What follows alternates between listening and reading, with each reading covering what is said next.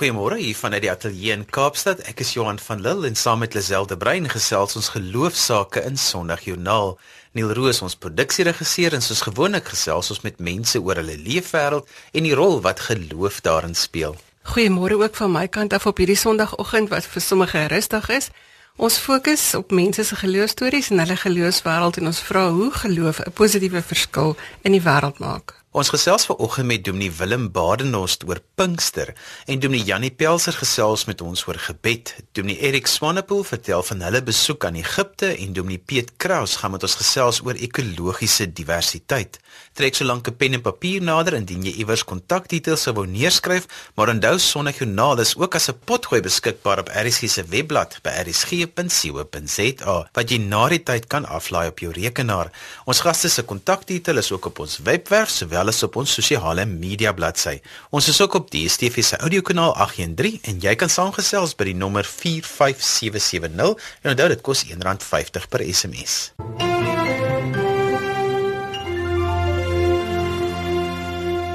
Ons vier binnekort Pinkster en Dominee Willem Barnard sluit by ons aan om vanoggend hier te gesels. Goeiemôre Dominee Barnard. Môre Lisel. Hoekom vier Christene Pinkster? Lisel Pinksterfees is een van die belangrikste feeste op ons kerklike kalender elke jaar. Inteendeel, almal wêreldwyd vier Pinkster want dit is die uitstorting van die Heilige Gees van God wat ons herdenk. En in die teologie noem ons dit 'n heilsgebeure. So dit het net eenmal in die geskiedenis van die wêreld gebeur. Dit sal nooit weer kan gebeur nie, want God het dit goed gedink toe sy seun opgevaar het na die hemel om ons nie alleen agter te laat soos wat uh Johannes 14 tereg sê maar dat hy sy gees vir ons stuur om in ons te woon en om in ons te werk en om die kerk tot hulp te wees ons wat agterbly die bruid van Christus. So vir ons is dit verskriklik belangrik omdat ons glo in die Vader en in die Seun en in die Heilige Gees. So die Heilige Gees is 'n persoon, is 'n goddelike persoon in die drie eenheid waarin in 'n verhouding moet staan en wat ons graag jaarliks in ons gemeente maar ook wêreldwyd in die kerk van Christus vier. Help ons om die persoon en die werk van die Heilige Gees te verstaan. Die persoon en die werk van die Heilige Gees kan ons nooit van mekaar skei nie. Soos ek tereg gesê het, is die persoon van die Heilige Gees is 'n uh, deel van die goddelike drie-eenheid, die Vader, die Seun en die Heilige Gees. En God het die Gees vir ons gestuur om 'n spesifieke rol in ons lewens te vervul. Die Gees is in ons om ons te leer in die volle waarheid, die waarheid van die skrif. God het sy Gees gestuur om in ons te kom woon om ons nie net te leer nie, maar ook bewus te maak, te oortuig van dinge in ons lewe wat nie reg is nie. Hy sê hy kom ons oortuig van sonde, geregtigheid en oordeel. Die Gees woon in ons Lisel om Jesus uit ons uit te laat straal. Die Gees het nie gekom sodat ons net beter kan lewe nie en gemakliker kan lewe nie. Die Gees wil Jesus deur ons laat skyn. Die Heilige Gees se inwoning in ons sê 1 Korintiërs 3 skryf Paulus dit so mooi. Die Gees help ons om 'n lieflike geur agter te laat. Lisel, dis die Gees wat vir ons geloof gee. Dis die Gees wat vir ons gawes gee. Dis die Gees wat ons heilig verklaar voor God. Hoor jy, die Gees het so 'n besliste, so 'n definitiewe rol wat hy speel in ons lewens. Ons kan nie sonder die Heilige Gees lewe nie. Inteendeel, die Gees is nader aan ons as wat ons eie asem aan ons is. Die Gees is deel van ons as kinders van God. Hy's ingeweef in ons DNA, hy's onlosmaaklik deel van ons verhouding met God. Inteendeel, die Gees pleit vir ons en hou ons verhouding lewend met God. Mense praat dikwels dat hulle God se stem gehoor het of dat hulle die Gees saam met hulle voel wanneer hulle bid oor 'n spesifieke ding. So dit is die Gees wat ons rig in ons elke dag se doen en late wat ons sê moenie sien toe gaan nie, doen eerder dit. Absoluut, die Gees lei en onderrig ons sê die woord. So die Gees het 'n het 'n diep influisterende stem waarmee hy met ons praat. Dis 'n diep innerlike wete. Dis dis so iets soos wat in Handelinge 8 gebeur toe Filippus oor oortuig geraak het dat hy op die pad na Gaza toe moet gaan en die Ethiopiër gekry het en hy kon die woord vir hom lees uit Jesaja, uit die boekrol uit. Hy kon onmiddellik tot redding kom, maar dis die Gees wat hom gestuur het omdat die Gees 'n plan vir hom gehad het vir daardie spesifieke siel wat God wou red. Dominee Barnard, die gemeentes of gelowiges dwars deur die land en dwars deur die wêreld moet ek sê, gaan Pinkster vier. Jy het 'n spesiale gas by Moreletta Park gemeente, vertel ons daarvan. Ja, ons is so bevoordeel want in die denominasie waarin ons is, die NG Kerk, vier almal te gelykertyd Pinkster. Ons noem dit die Pinkstertyd en hierdie jaar is dit van die 28ste Mei tot die 31ste Mei of selfs tot die 1ste Junie. En ons het 'n baie spesiale reeks wat ons hierdie jaar aanbied. Regtig deur 'n wonderwerk Lisel het ons vir Pastor Jim Simbala van die Brooklyn Tabernacle gemeente in New York. Nou dis 'n man wat spesialiseer op gebed en uh, evangelisasie en herlewing ook die DNA van Morletta Park gemeente. En ons het vir Jim uitgenooi om die Ospingste reeks te kom doen hier in die gemeente. So ons nooi alle belangstellendes rondom Pretoria en Johannesburg, Tshwane nooi ons om hierdie geleenthede te kom bywoon van die 28ste Mei, Sondagoggend tot die 31ste Mei elke aand 7 uur. Maar is ja wat baie belangrik is, is die feit dat ons graag die 31ste Mei Woensdag wil ons graag 'n nasionale gebedsseminar hou ons saam met Jericho Bure gebedsnetwerk en ons wil baie graag mense uitnooi om hulle self uh, aan te meld vir hierdie geleentheid. Dis 'n fantastiese geleentheid wat Pastor Jim vir ons gaan lei en dit gaan primêr oor gebed. Hoe kry jy jou gemeente aan die bid? Hoe bid 'n kind van die Here? Waarvoor moet 'n mens attent wees? En dit word hier by die gemeente aangebied Woensdag 31 Mei van 9:00 die oggend af tot 3:00 die middag. En mense is so welkom dat gebedsleiers veral en leraars wil ons graag by hierdie geleentheid verwelkom. Waar sal hulle die inligting kan kry en dan ook hierdie samewerking met Jericho Mure? Ons sal baie graag wil hê mense moet die inligting kry op uh, info, dis 'n is 'n webwerf info by jwi pn.com. Dis staan vir Jericho Walls International Prayer Network. Daar gaan 'n link wees waar mense kan inskryf of hulle kan 012 skakel 365 3213. Dis Jericho Mure ook wat die administratiewe sake rondom die gebedsseminaar hanteer. En as hulle nou regtig nie daar regkom nie, ons sal vir hulle baie graag help by die gemeente 012 997 8000 en mense is baie welkom. Dominee Barnos, baie dankie vir die saamgestel vanoggend en dat jy so 'n bietjie met ons oor die Heilige Gees gesels het. Baie dankie Lisel. Ons hoop ons gaan 'n wonderlike en 'n geseënde Pinkstertyd hê. Ons is nou midde in Pinkstertyd en Lisel het gesels met Dominee Willem Badenhorst. Die kontaktitel vir Jericho Mure is info@jwipn.com. Ek herhaal dit. Dis info@jwipn.com www.rsg.com of skakel 012 365 3213 dis 012 365 3213 Ons het heelwat gesels oor die gebedsaksies wat plaasgevind het reg oor Suid-Afrika, die gebedsfokus wat in Bloemfontein was en vanoggend sluit Dominee Janie Pelser by ons aan om vir ons te sê wat volgende. Goeiemôre Dominee Janie. Goeiemôre. Waarom nog 'n gebedsinisiatief? Baie baie dankie. Weet jy, ons kan mos nooit ophou bid nie. Bid is die een ding waarmee ons sal besig wees tot uh sekerlik by die wederkoms van die Here en daarna sal ons seker voortgaan met aanbid. Maar uh feit van die saak is dat kinders van die Here nie kan ophou bid nie. Dit is ons grondhouding. Dis wie ons is dat ons bid en aanbid. Uh daarmee saam is ons steeds ons konteks Suid-Afrika en ons het heerlike en wonderlike gebedsbyeenkomste, maar ons moet die Here in die gebed bly vashou. Daar is die perspektief in die Bybel van totdat en uh en, en ons moet God bly vashou en herinner aan sy beloftes wat eintlik maar 'n manier is waar ons in ons eie geloof versterk word totdat daardie deurbraak vir ons gekom het. In Suid-Afrika ons konteks roep dat ons indringend uh sal bid met vertroue, uh met geloofsmoed en dat ons ook ge gehoorsaam sal word aan dit wat die Here van ons vra. Maar om jou vraag te antwoord, ons moet maar bly bid. Ons is nog nie klaar gebid nie. Suid-Afrika is nog nie waar die Here vir ons wil hê nie. So hoe verskil hierdie oproep nou van die vorige inisiatiewe? Bid is bid uit die aard van die saak, maar hier is 'n verdere dimensie wat ons baie graag wil bybring. Ehm um, en die eerste is naamlik dat mense gevra word om veral vanaf die 25ste, dis nou Hemelvaart en dis mos 'n baie belangrike dag vir ons as kinders van die Here. En alhoewel dit nie meer 'n vakansiedag is nie, uh, is die betekenis daarvan vir ons baie belangrik. Feit van die saak is Jesus sit in 'n posisie van heerlikheid en heerskappy aan die regterhand van die Vader. En dan die 10 dae van Pinkster, die Heilige Gees wat juis vir ons wil bemagtig sodat ons ons uh met onderskeiding kan bid.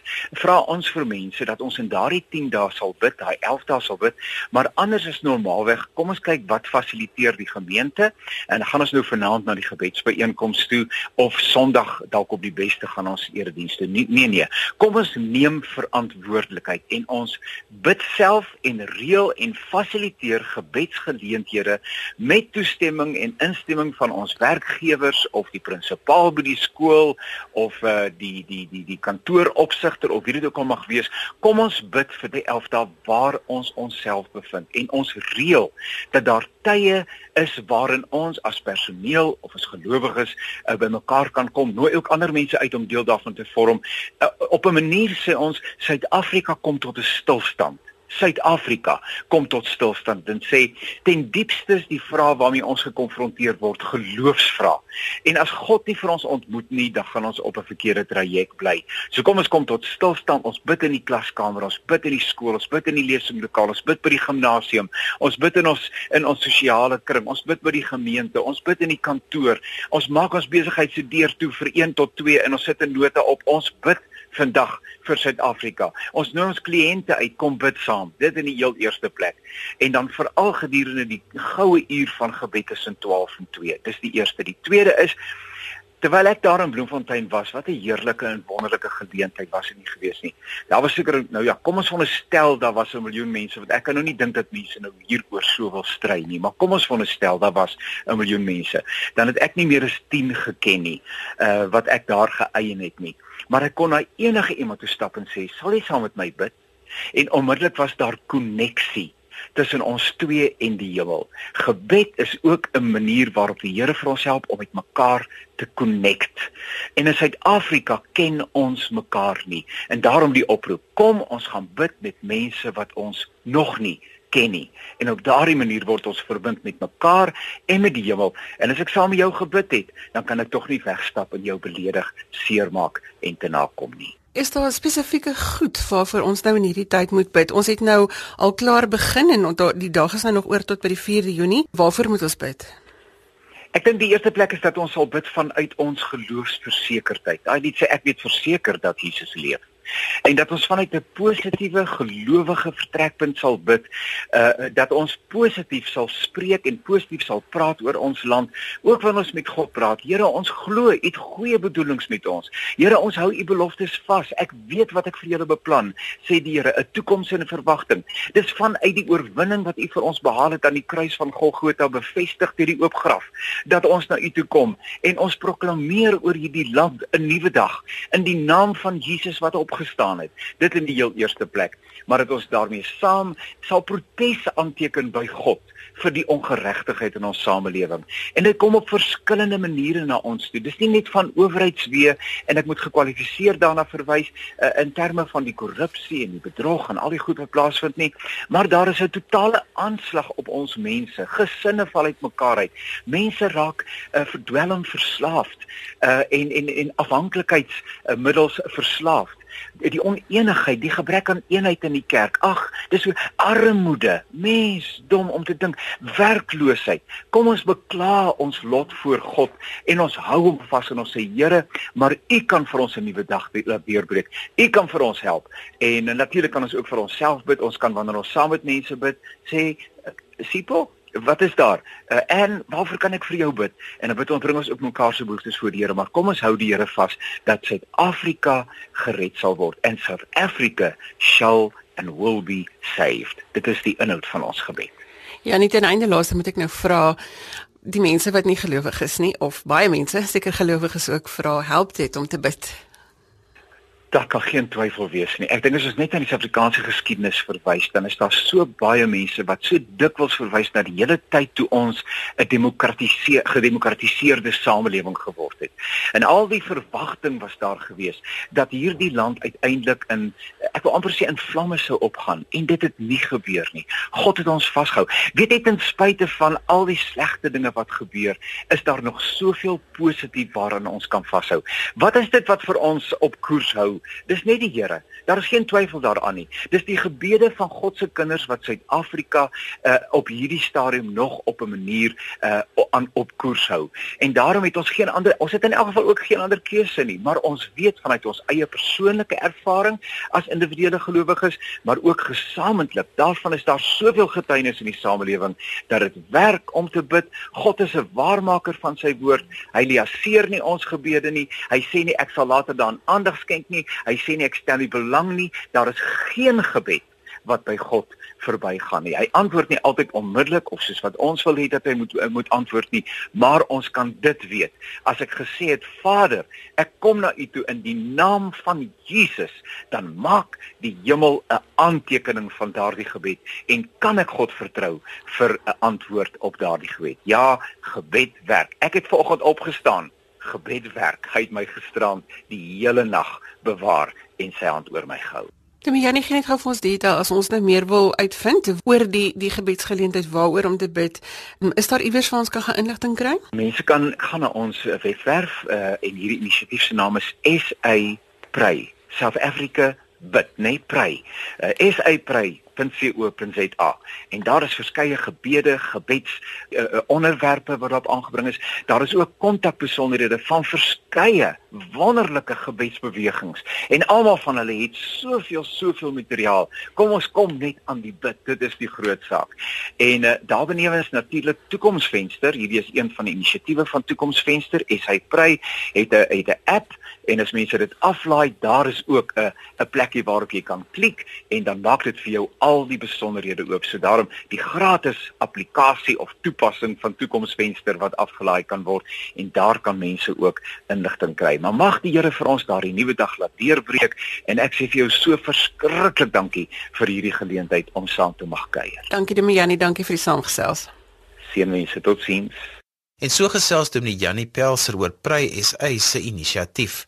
Vir meer inligting oor gebedstemas kan jy gaan inloer by www.saprey.co.za. Dominee Erik Swanepoel het intussen agter die mikrofoon ingeskuif om te vertel van hulle ervaring in Egipte. Demi Erik Swanepoel is saam met ons in die ateljee vanoggend. Hy is van In Context International en hy help ons elke nou en dan om anders na die wêreld se konteks te kyk. Goeiemôre Demi Erik. Goeiemôre, dis heerlik om hier te kuier. Op 22 April het daar in Bloemfontein 1 miljoen Christene bymekaar gekom om te bid vir ons land. Nou julle was daai tyd in Egipte gewees. En wat ons nou nie van bewus was nie, is dat Egipte het eintlik presies dieselfde aksie gehad as wat Suid-Afrika gehad het net 'n bietjie voor ons. Ja, op die 30ste Maart en die 1ste April kom daar 'n klomp duisende Christene bymekaar in Egipte, soortgelyk aan dit wat ons beleef het in Suid-Afrika by Bloemfontein. Mense soek die Here, mense soek genesing vir die land en 'n klomp kerkleiers van oor die hele Arabiese streek kom in Egipte om mekaar om te sê Here genees ons land dieselfde as Bloemfontein. En ons het die voorreg gehad om oor Palm Sondag ook net 'n bietjie later die 9de April in Kaïro te wees en die volgende oomblik ontplof hierdie twee bomme, die een in Tanta net noord van Kaïro en die ander een in Alexandrië. En uh, ons het daai week net na Palm Sondag met van hierdie kerkleiers gepraat, een van die predikante van Qasar al-Dubara, een dis die grootste evangeliese gemeente in in Egipte intendeel in die hele Arabiese streek. En ons vra toe vir hom julle het nou gebid en julle die Here se aangesig gesoek om die land te genees. En uh, net meer as 'n week later nadat julle gebid het ontplof twee bomme binne in julle kerke. Hoe verstaan julle dit En wat hierdie predikant vir ons sê, hulle soek al die Here se aangesig vir meer as 30 jaar dat die Here sal ingryp en sy woorde en verskoon my Engels, hy, hy praat in Engels, hy sê and it's wonderful to have found the key for a locked door to say God answered our prayers by allowing two bombs to explode in our churches. En dit was vir ons net 'n ander manier om na goed te kyk. Om ons vra te vir hom, hoe kan jy sê dat die sleg wat gebeur het, dat dit die manier is hoe die Here julle gebede beantwoord het? Maar die die wonderlike ding is hy vertel vir ons hoe Christene ewe skielik vergifnis kan uitspreek na hierdie bomme wat ontplof het en 'n klomp van die geloofsmense van daardie streek se se plaaslike geloof vra nou vra vir die Christene hoekom nadat ons julle so seer gemaak het spreek julle vergifnis uit en net Christene vir die eerste keer die geleentheid om die kruis van Jesus te wys vir mense wat daar woon wat Jesus nie ken nie So jy beskiklik is hierdie kerk besig om te groei en mense kom na die kerk toe om antwoorde te soek. Wat kan ons leer by die Christene in Egipte wie se families in daardie twee bomaanvalle oorlede is? Want vergifnis is mos nou nie 'n maklike ding nie. voor ek die die vraag antwoord, jy praat nou in die begin van jou sin oor groei. Ons het nogal gedink na Palm Sondag gaan die kerk leeg wees op Goeie Vrydag en op Opstanding Sondag. En ons was by drie verskeie dienste daardie naweek met Paasnaweek en die kerke het oorgevloei met mense. Hulle moes stoele indra en dit 'n week na die bomme ontplof het. So hierdie bomontploffings het net mooi die teenoorgestelde reaksie gehad op Christen. Christen het kerk toe gestroom Ja, baie mense het seer gekry, baie geliefdes en families het het mense aan die dood afgestaan. Ek dink die een ding wat wat ons by hulle leer is dat gebed nie die laaste hoofstuk is om net eenvoudig die oorwinning aan te kondig nie. As ek bid, is dit eintlik 'n deklarasie van oorlog. Die Bybel leer vir ons dat ons geveg op aarde nie teen vlees en bloed is nie, maar dis teen die owerhede, die die bose geeste. Daar's 'n geestelike geveg en mense is eintlik maar net die marionetpoppe wat die duiwel gebruik om sy agenda op aarde uit te voer, naamlik om God se koninkryk te vernietig wat ons mos nou weet nooit sal gebeur nie. Maar die die een ding is hulle leer vir ons ons is in 'n geestelike oorlog en wat ek dink ons moet besef met die oog op Bloemfontein se gebedsding. Die oomblik wanneer Christene bid, is dit 'n deklarasie van oorlog en die duiwel gee nie grondgebied af alvorens hy nie ook probeer iemand seermaak in die proses nie uh, destyds met die grensoorlog wat bekend is vir die Suid-Afrikaanse publiek.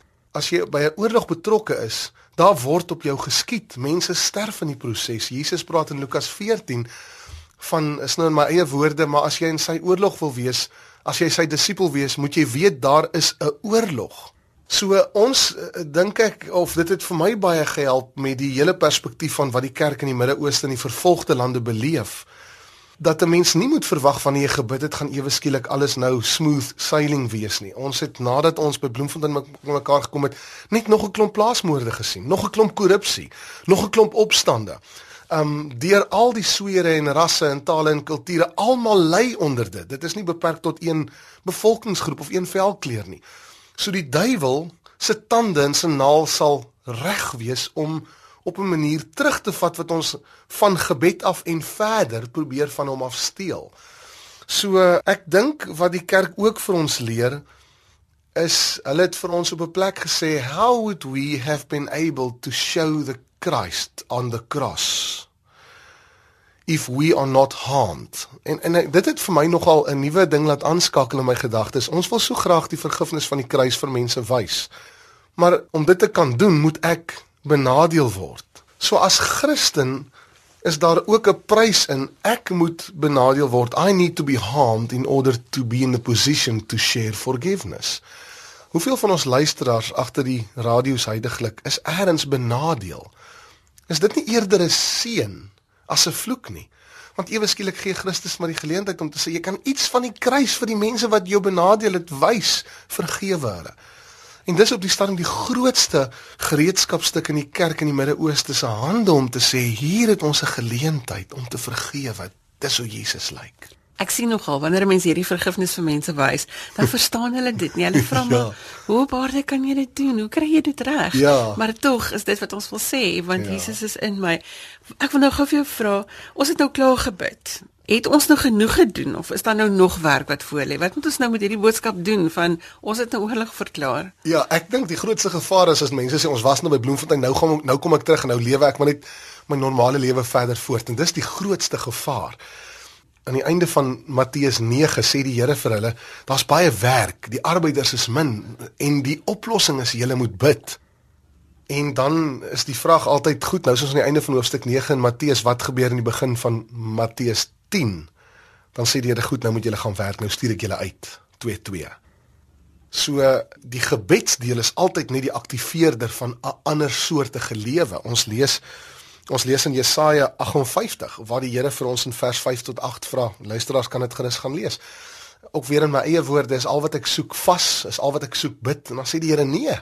Ek wil hê julle moet na die honger mense gaan kos gee. Ek wil hê dit is die tipe gebed wat ek soek dat jou lewe anders lyk so dat ons as Christene die wêreld nou moet ingaan in Suid-Afrika moet ingaan en die antwoord gaan wees om anders te lewe dat mense kan sien maar maar hoekom is Christene so anders? Hoekom vergewe hulle anders? As ons die hele tyd in die slegte situasies waar ons slegte goed ontvang en eh, dan moet ons juis met 'n ander soortige gees reageer as wat die wêreld verwag.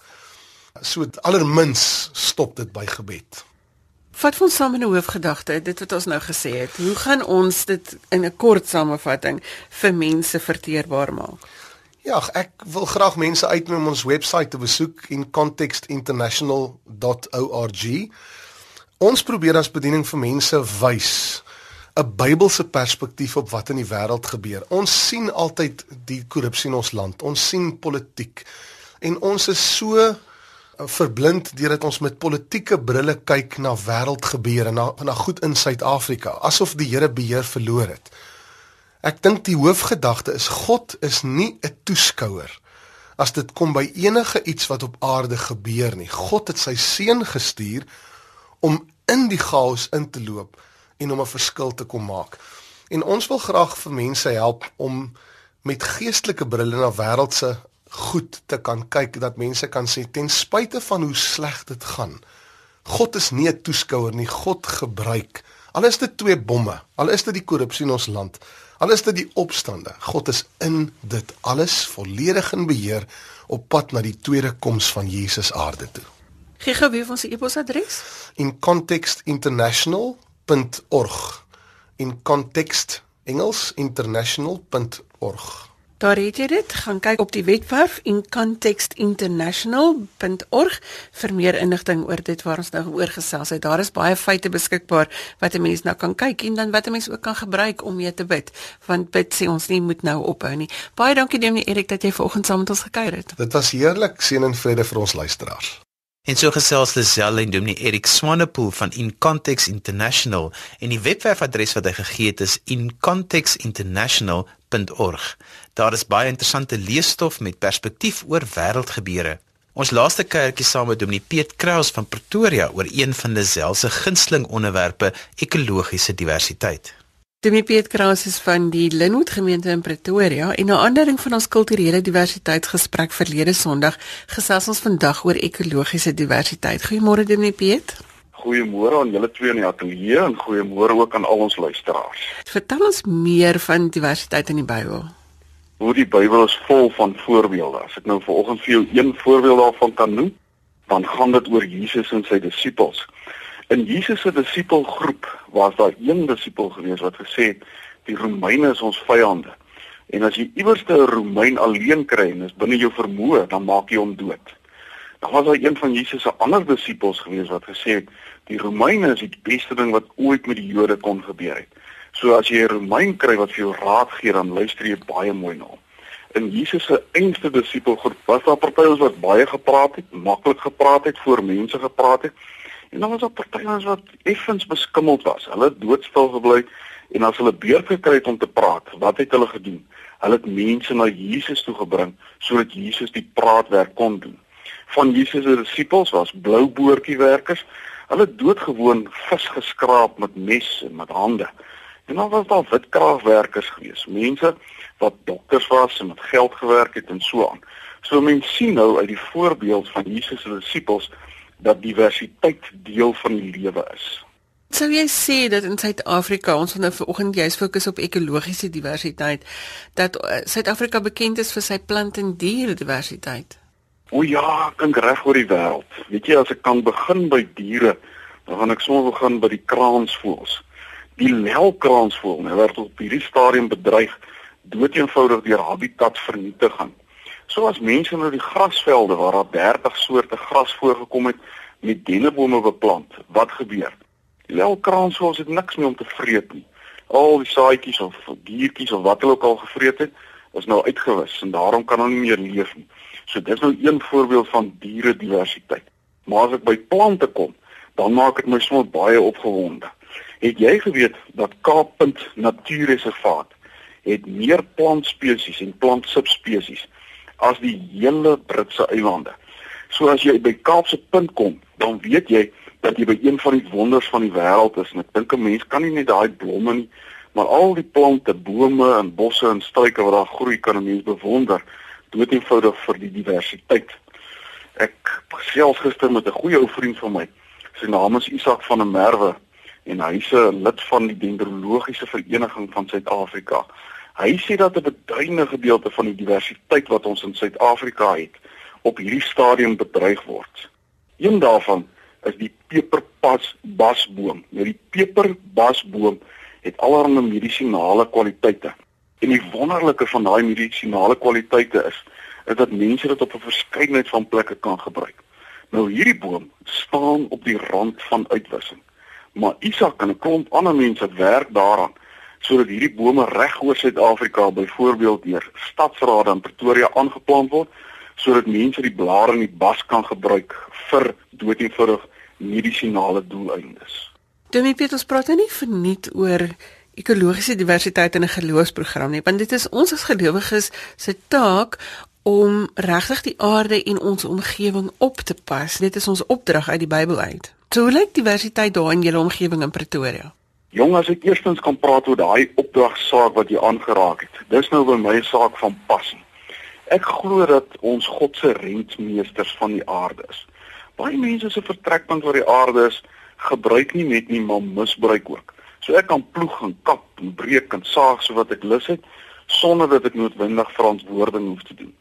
As ek die Bybel reg lees en ek dink nou aan die Genesis verhaal, dan verstaan ek dit so dat die Here ons as rentmeesters aangestel het. So ons het 'n verantwoordelikheid nie net teenoor die mense wat nou leef nie, maar ook teenoor ons nageslag. As ek so klein bietjie kan kom oor diversiteit in my eie omgewing, dan vertel die eerste Isak waarvan ek net nou gepraat het, dat hy so 'n paar jaar terug in die Ardennen woud in Europa gebly het. Hy en sy gesin het so vir 'n week in 'n huisie daar gebly en dan het hulle nou doeteenvoudig in die woud gaan stap elke dag. En Isak vertel vir my hierdie treffende ding. Hy sê dat in Fairy Glen Natuurreservaat hier in die middel van Pretoria is daar meer boomspesies per vierkante kilometer as in die hele Ardenwoud. Stel jouself nou net voor al hierdie bome wat hier op ons voorstoep is in vergelyking byvoorbeeld met dit wat in Europa gebeur. As 'n mens nou in ander stede bly, ek dink aan Durban of Port Elizabeth of Kaapstad wat al drie mos nou kustelike stede is. Weet jy binne 50 tot 100 km van die middestad af, as jy nou binnelandse rigting toe ry, dan verander die natuur geheel en al. Derman, vir die klein stukkies wat nog oor is, is daar kuswoud, die krepelhout en ek weet nie wat se goed nog alles nie. Maar as jy nie binneland toe ry na ry na Pietermaritzburg se kant toe, dan verander die toneel geheel en al. So diversiteit, net dink ek is iets wat waarheid is van die grootste gedeelte van Suidelike Afrika. Ek het onlangs gelees in die Time magazine dat hulle baie interessant geskryf het oor die diversiteit in voedselproduksie. Dit is ook vir ons baie belangrik. Hoe natuurlik. Ek lees nou die dag oor die aarde se bevolking. Ons is op pad na 7 miljard mense toe. Miskien is ons daar al meer as dit. Het jy geweet binne 24 uur van nou af, né, is daar 'n kwart miljoen mense by. So as jy som sou maak en bo sit jy die geboortes en onder sit jy die sterftes, en trek dit van mekaar af, dan is daar oor 24 uur van nou af 250 000 mense by. En al hierdie mense moet kos kry. Nou Time Magazine van 17 April van hierdie jaar het 'n skitterende artikel gehad oor 'n plek iewers in Noordpool waar hulle saad bære vir toekomstige generasies. Met ander woorde, daar's generasies wat gaan wonder wat het geword van al hierdie gewasse en dan kan hulle hierdie saad daar gaan trek. Maar mense kry nou nogal hierdie artikel allerlei interessante statistiek. Het jy geweet dat net 30 soorte oester lewer 95% van alle kosenergie in die hele wêreld? So 10% van ryssoorte wat in 1950 in China bestaan het, né, Dis al wat oorgebly het. Die ander 90% het verdwyn. So die mense het uh, al fyner en fyner gewerk met subspesies totdat ons by net 30 soorte oeste uitgekom het. Ek lees byvoorbeeld oor die FSA, né, dat hulle sedert 1990, met ander woorde in die afgelope 120 jaar, 90% van al hulle vrugte en groente soorte verloor het. Nou aan die een kant is dit mos nou 'n wonderlike ding want as mense nou dink aan die fantastiese mielies wat daar groei, die wonderlike vrugte en dat hulle pesbestand is en wie weet wat alles, dan raak 'n mens bly, né? Maar aan die ander kant, as jy nou net dink aan hierdie klein poel van gene wat daar beskikbaar is, dan dink ek wat van blootstelling aan droogtes en peste en pla. Dan sit ek en wonder jong, is ons nie op 'n manier tog in die moeilikheid daaroor nie. Daarom dink ek, ek is gek oor die beginsel van biodiversiteit, lewensverskeidenheid en 'n mens kan dit oralste waar jy bly uitoefen ook. Hoe gaan ons hierdie gesprek saamvat om te sê dit is ons taak as gelowiges om ons ekologie op te pas? As ek dit kan saamvat, dan sal ek doeteenvoudig begin by God, die Skepper. Ons glo mos God het alles geskep. Die Here het alles gemaak. Daarom is ons verantwoordelikheid. As ons sê ons aanbid God wat geskep het, dan het ons 'n verantwoordelikheid teenoor die skepping om ook die skepping op te pas op 'n manier wat goed is vir ons nageslag. Baie dankie vir daai kort samevatting. Ek het gesels met Dominee Piet Kraus van die Linwood gemeente in Pretoria waar hulle regtig baie doen om die tuine daar ekologies divers te maak. So as jy wil weet hoe om dit te doen, kontak gerus vir Dominee Piet Kraus by die Linwood gemeente. Baie dankie vir die saamgesels vanoggend Dominee Kraus. Dit was heerlik om met julle te gesels.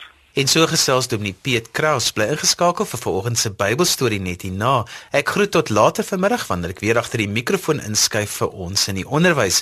Mag jy 'n rustige Sondag hê. Tot later vandag. Totsiens. Jy kan dus gewoonlik vir my kontak met kommentaar of 'n geloostorie wat jy met ons wil deel. My e-posadres is lazel@wwmedia.co.za. L E Z E L L E by wwmedia.co.za of jy kan vir ons 'n boodskap stuur deur die webwerf by rsg.co.za. Volgende is Jermaine M Hansen aan die beurt met die Bybelstorie en net daarna die agternuus. Tot volgende week groet ek namens produksieregisseur Neil Roo. Tot dan, totsiens.